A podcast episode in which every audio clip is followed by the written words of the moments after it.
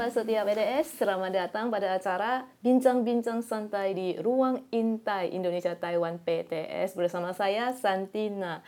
Oke, seperti yang telah kita seperti yang telah kita ketahui, banyak sekali teman-teman pekerja migran yang datang mengadu nasib ke Taiwan ya untuk uh, kehidupan yang lebih baik.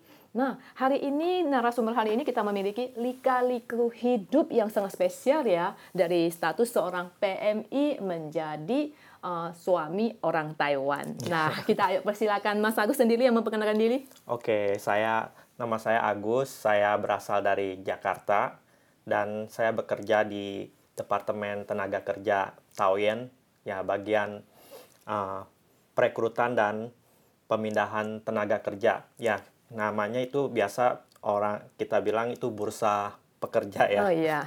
bursa pencari kerja ya. Ya, bursa pencari uh, kerja Taiwan yang, ya. memang start yang dari pemerintah Taiwan ya. Iya, dan hmm. saya sekarang sudah menjadi warga negara Taiwan. Oh, wah. Tapi ya kita masih aja diaspora Indonesia nih. Ya. Oke, okay, nih bagaimana ini Mas Agus uh, awal-awalnya datang ke sini, terus bagaimana uh, apakah bekerja atau sekolah gitu? Oh, dulu saya Hmm, saya datang ke Taiwan sudah 23 tahun ya. Wow, Wah, itu dulu sekitar tahun, 2000 tahun ya. 2000, iya. Wow. Dulu kan masih muda. Nah, di Jakarta itu uh, melihat banyak orang itu pergi ke Taiwan. Mm-hmm. Ya, mhm. jadi saya penasaran kenapa banyak orang ke Taiwan. Ya. ya. Terus ikutan ya? Ya, jadi saya ikutan ke sini. Mm-hmm. Hmm, jadi waktu itu ya jadi tenaga kerja Indonesia ya, ya yang ya. dikontrak tiga tahun. Mm-hmm. Hmm, dan waktu itu ya. Kerja ya, di mana tuh? Waktu itu di Inke ya di pabrik oh, keramik. Pabrik keramik. Mm-hmm. Oh, mungkin sekarang juga ada teman-teman uh, eh, PTS yang juga bekerja di sana ya? Ya, kemungkinan masih ada di sana. Mm-hmm. Mm-hmm. Terus uh, habis kontrak tiga tahun?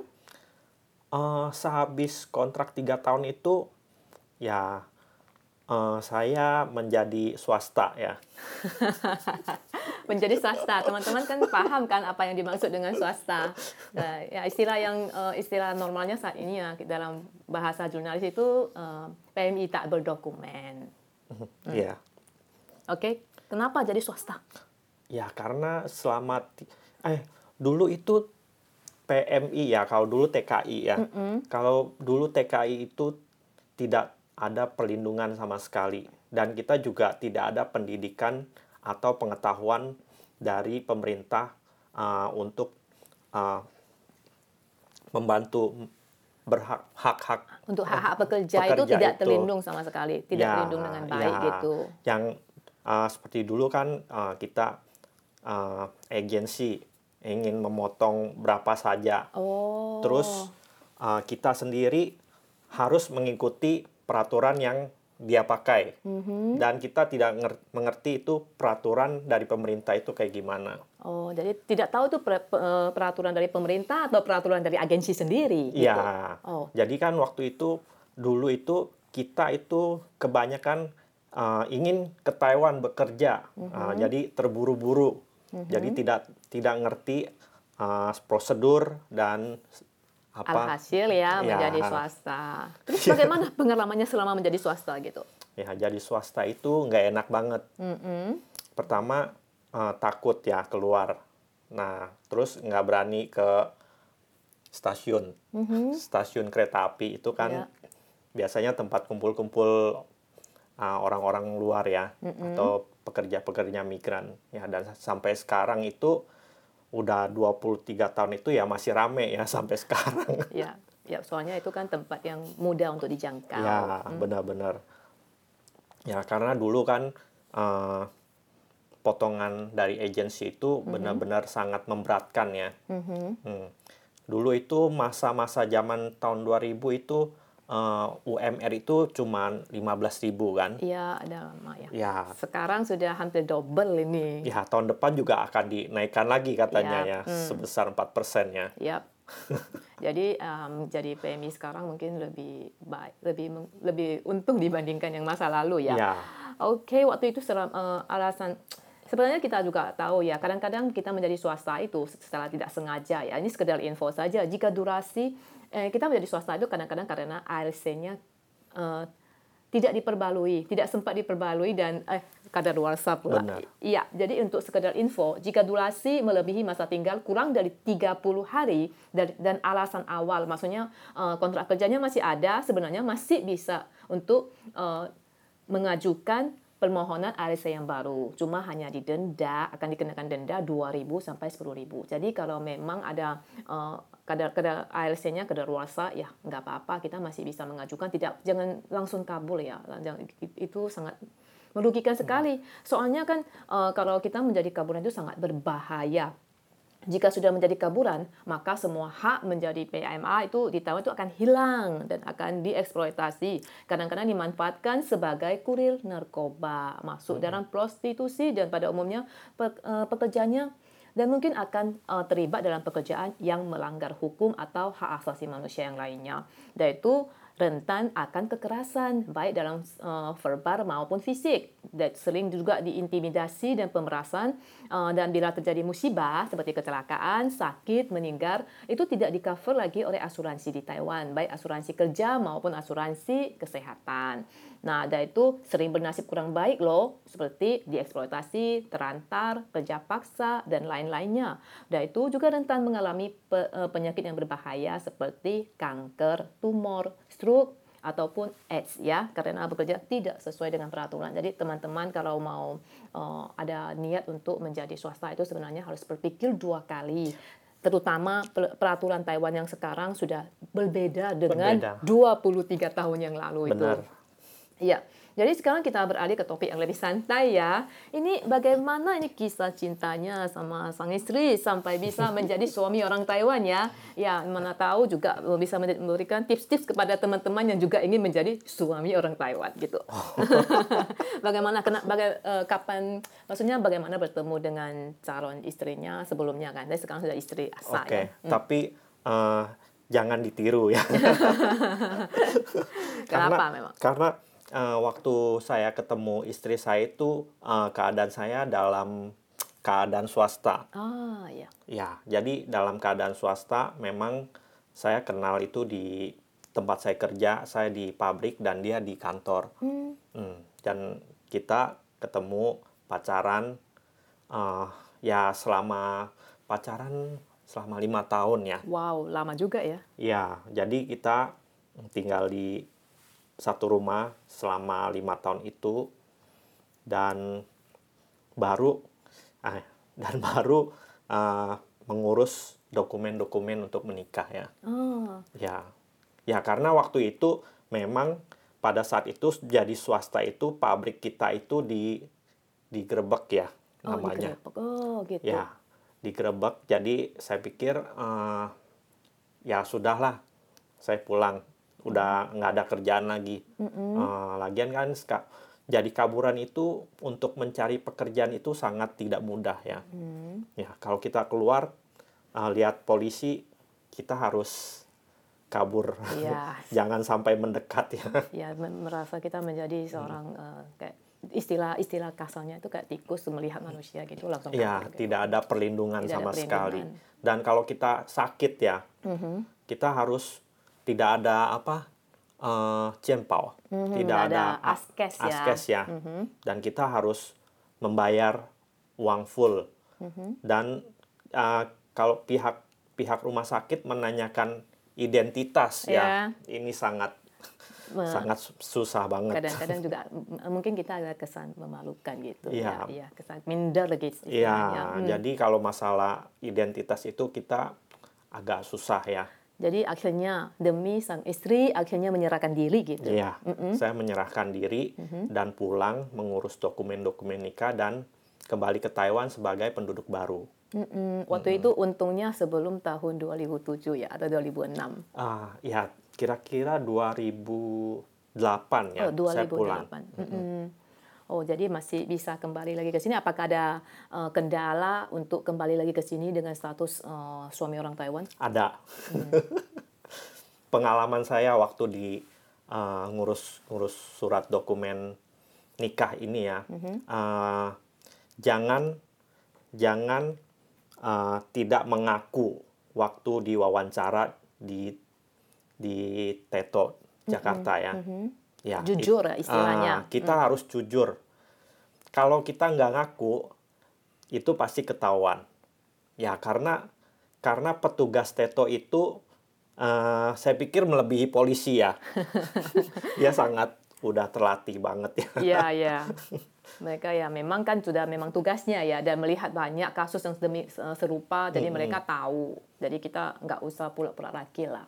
Ya, Iya. jujur aja. Benar-benar benar. Terus jujur ada ada negatifnya nggak? Ya, waktu waktu pertama saya wawancara di uh, wawancara pernikahan untuk uh, masuk ke Taiwan itu saya nggak ngaku.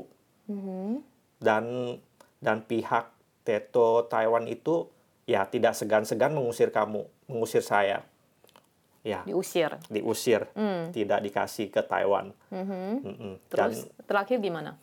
dan saya mengulang untuk uh, meminta uh, wawancara ulang ya. Minta wawancara ulang ya. Iya, Oke, berarti memang harus berusaha dan kita jujur aja mengatakan apa yang sebenarnya kepada yang pihak yang berwajib ya, eh, terutama terutama waktu mau kembali ke sini ya ke Teto. iya, Oke, kita kembali lagi ya ke, ke sekolah ya. Soalnya saya tahu eh, sebelumnya ya memang ada lika-likunya itu mungkin sangat panjang waktu itu saya tahu waktu sebelum pulang ke Indonesia pasti ditahan juga ya. Benar, benar. Kalau soalnya waktu itu yang dulu itu menyerahkan diri itu akan ditahan di imigrasi beberapa beberapa bulan waktu itu. Eh, waktu itu pas paspor saya juga udah mati. Ah, Jadi untuk pengurusan paspor itu eh, saya ditahan selama tiga minggu.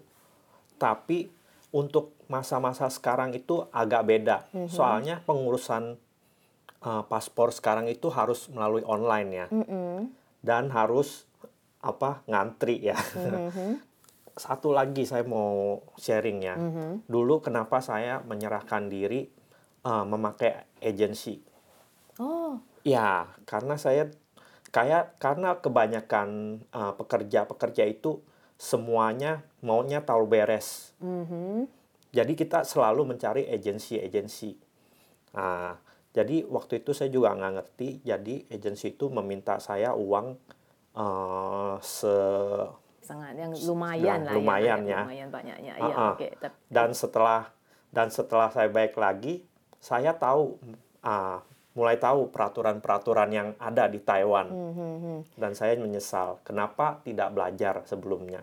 ya jadi kita selama menjadi pe- pekerja selama di pelantauan ya juga harus belajar banyak ya dari teman-teman ataupun dari eh, instansi pemerintah yang di- menyediakan banyak sekali info apalagi saat ini kita setiap orang punya ponsel di tangan jadi ke lagian sekarang kan ada KDI yang menjadi Ya. backing kita ya. Jadi eh, bisa aja lebih aman. Oke, kita eh, setelah setelah tiba kembali di Taiwan, eh, saya tahu bahwa Anda juga kembali ke bangku sekolah setelah bekerja sekian tahun ya. Soalnya dia eh, saya tahu Mas Agus setelah kembali ke Taiwan juga kembali bekerja untuk menafkahi keluarganya ya. Sekarang Ya. juga mempunyai dua momongan. Iya, Ya, jadi eh, tapi di sela-sela waktu belajarnya, ia juga kembali ke bangku sekolah belajar dari SD ya.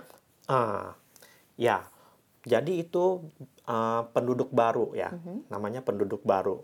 Dari dulu itu penduduk baru diharuskan ah, belajar di dari awal ya di bangku SD di sekolah-sekolah Taiwan yang sekolah malam itu namanya belajar bahasa Mandarin selama 72 jam akan buat me- mengapply KTP Taiwan ya. Ya, jadi dulu uh, saya juga mengikuti program ini ya. Dan saya uh, tujuan saya bukan untuk uh, mengambil KTP, tapi saya mau belajar. Karena uh, apa? Uh, dalam kelas ini tidak hanya belajar Mandarin. Ah, dan di dalam kelas ini kita bisa sharing masalah budaya atau kita bisa belajar cara membaur dengan penduduk Taiwan. Karena di kelas ini bukan kita orang Indonesia saja ya.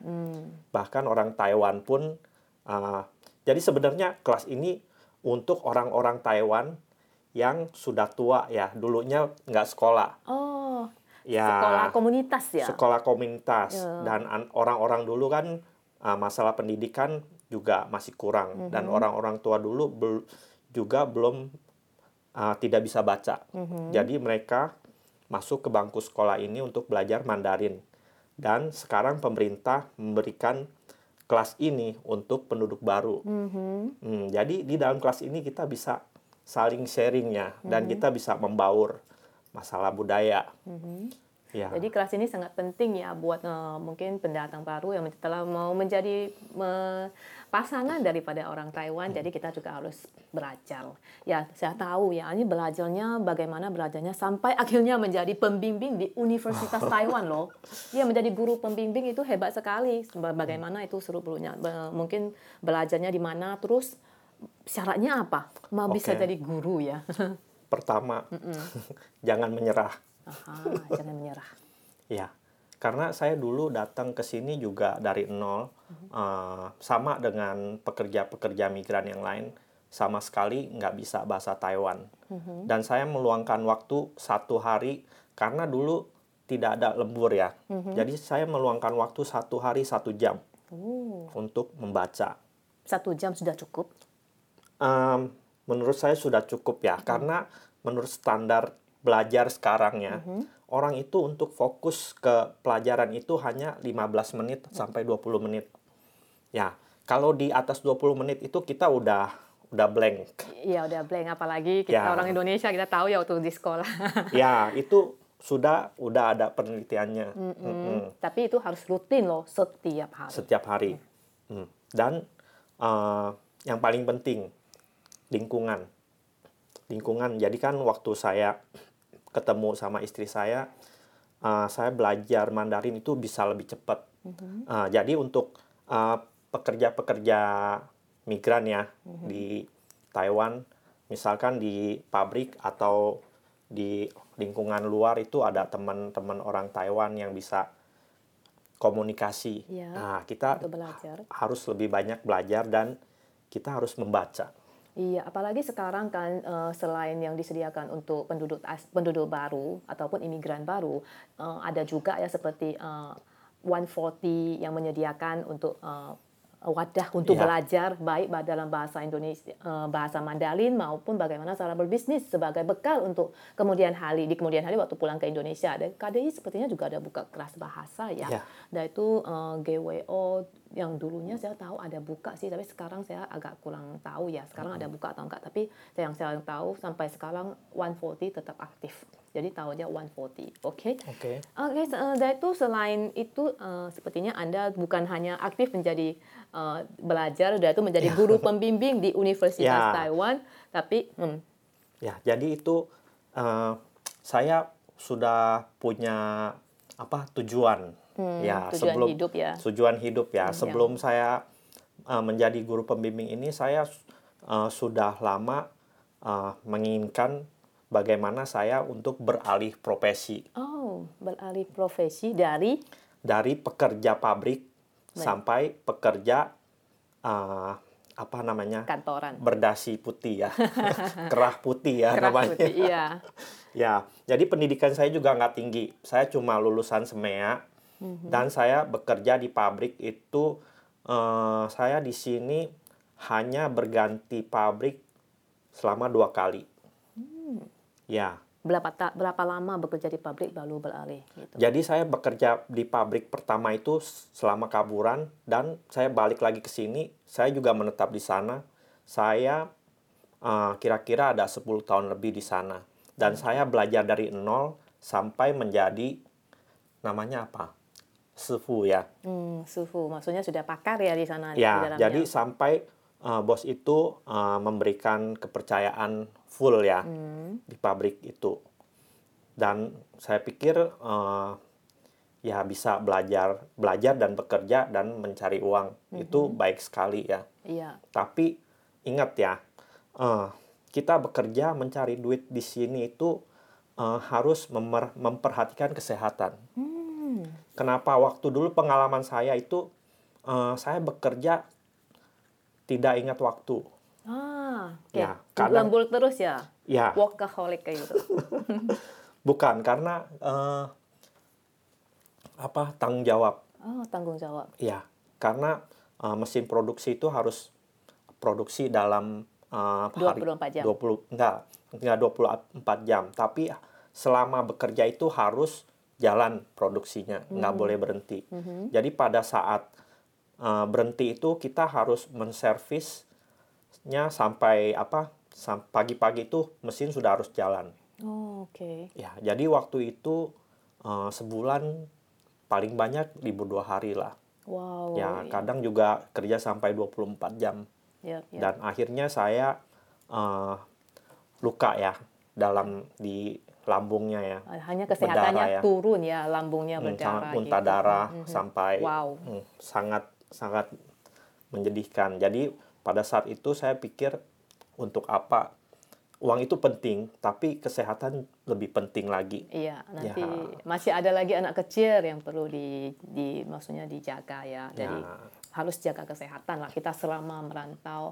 Jadi maka makanya akhirnya saya tahu Pak Agus akhirnya beralih me- Ya, menjadi guru pembimbing. ya saya sangat beruntung uh, ada teman yang bisa apa mengenalkan saya di suatu kampus di Taoyuan ya. Uh, jadi saya di sana menjadi staf staf kantor untuk uh, guru pembimbing uh, mahasiswa Indonesia. Oke, wah.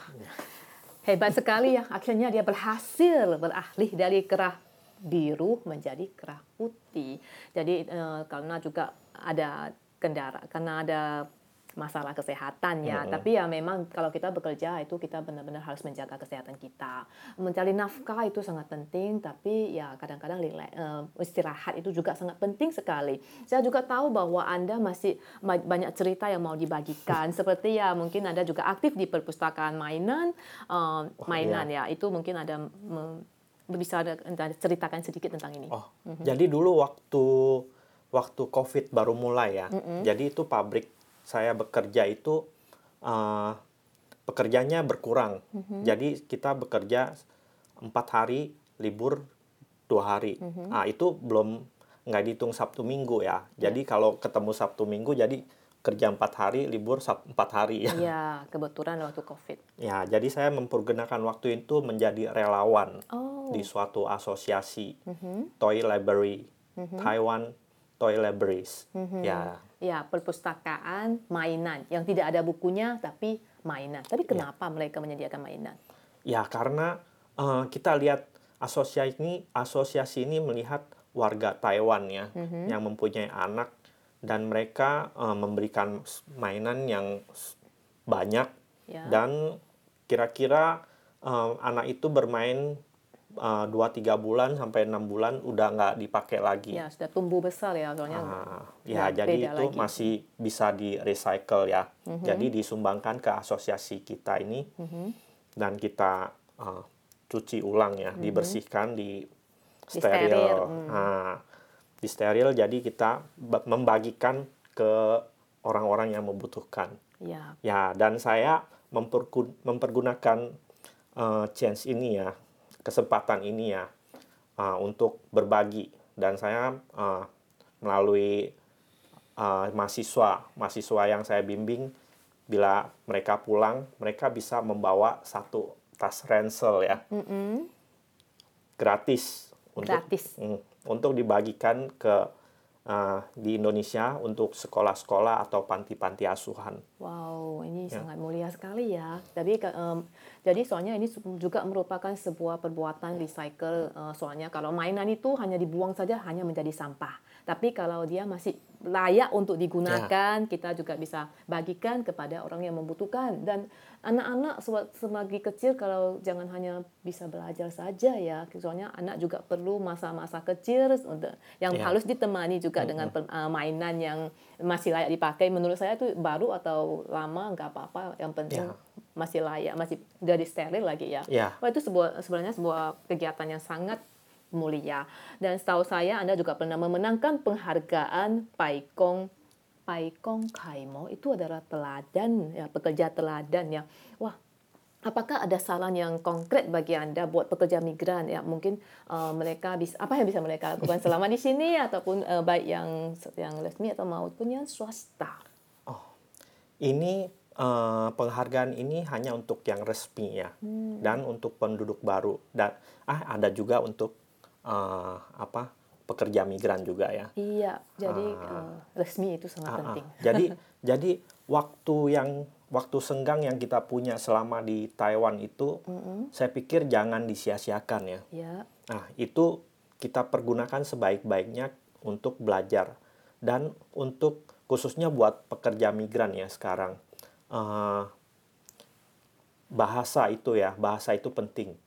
Dan eh, di Taiwan itu juga me- memberikan banyak banyak eh, kelas-kelas ya untuk untuk mengembangkan bakat ya. Itu biasanya kelas-kelas itu kalau kita ikut bisa ada apa penghargaan atau eh, ijazah ya.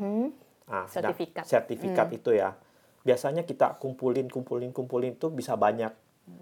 Ya, dan dari sertifikat-sertifikat ini kita bisa mendaftarkan sebagai teladan, Ah, pekerja teladan atau penduduk baru yang teladan. Mendaftarkannya ke mana? Ah, biasanya tuh setiap tahun itu eh, imigrasi ya atau pemerintah Taiwan akan mengadakan acara ini ya.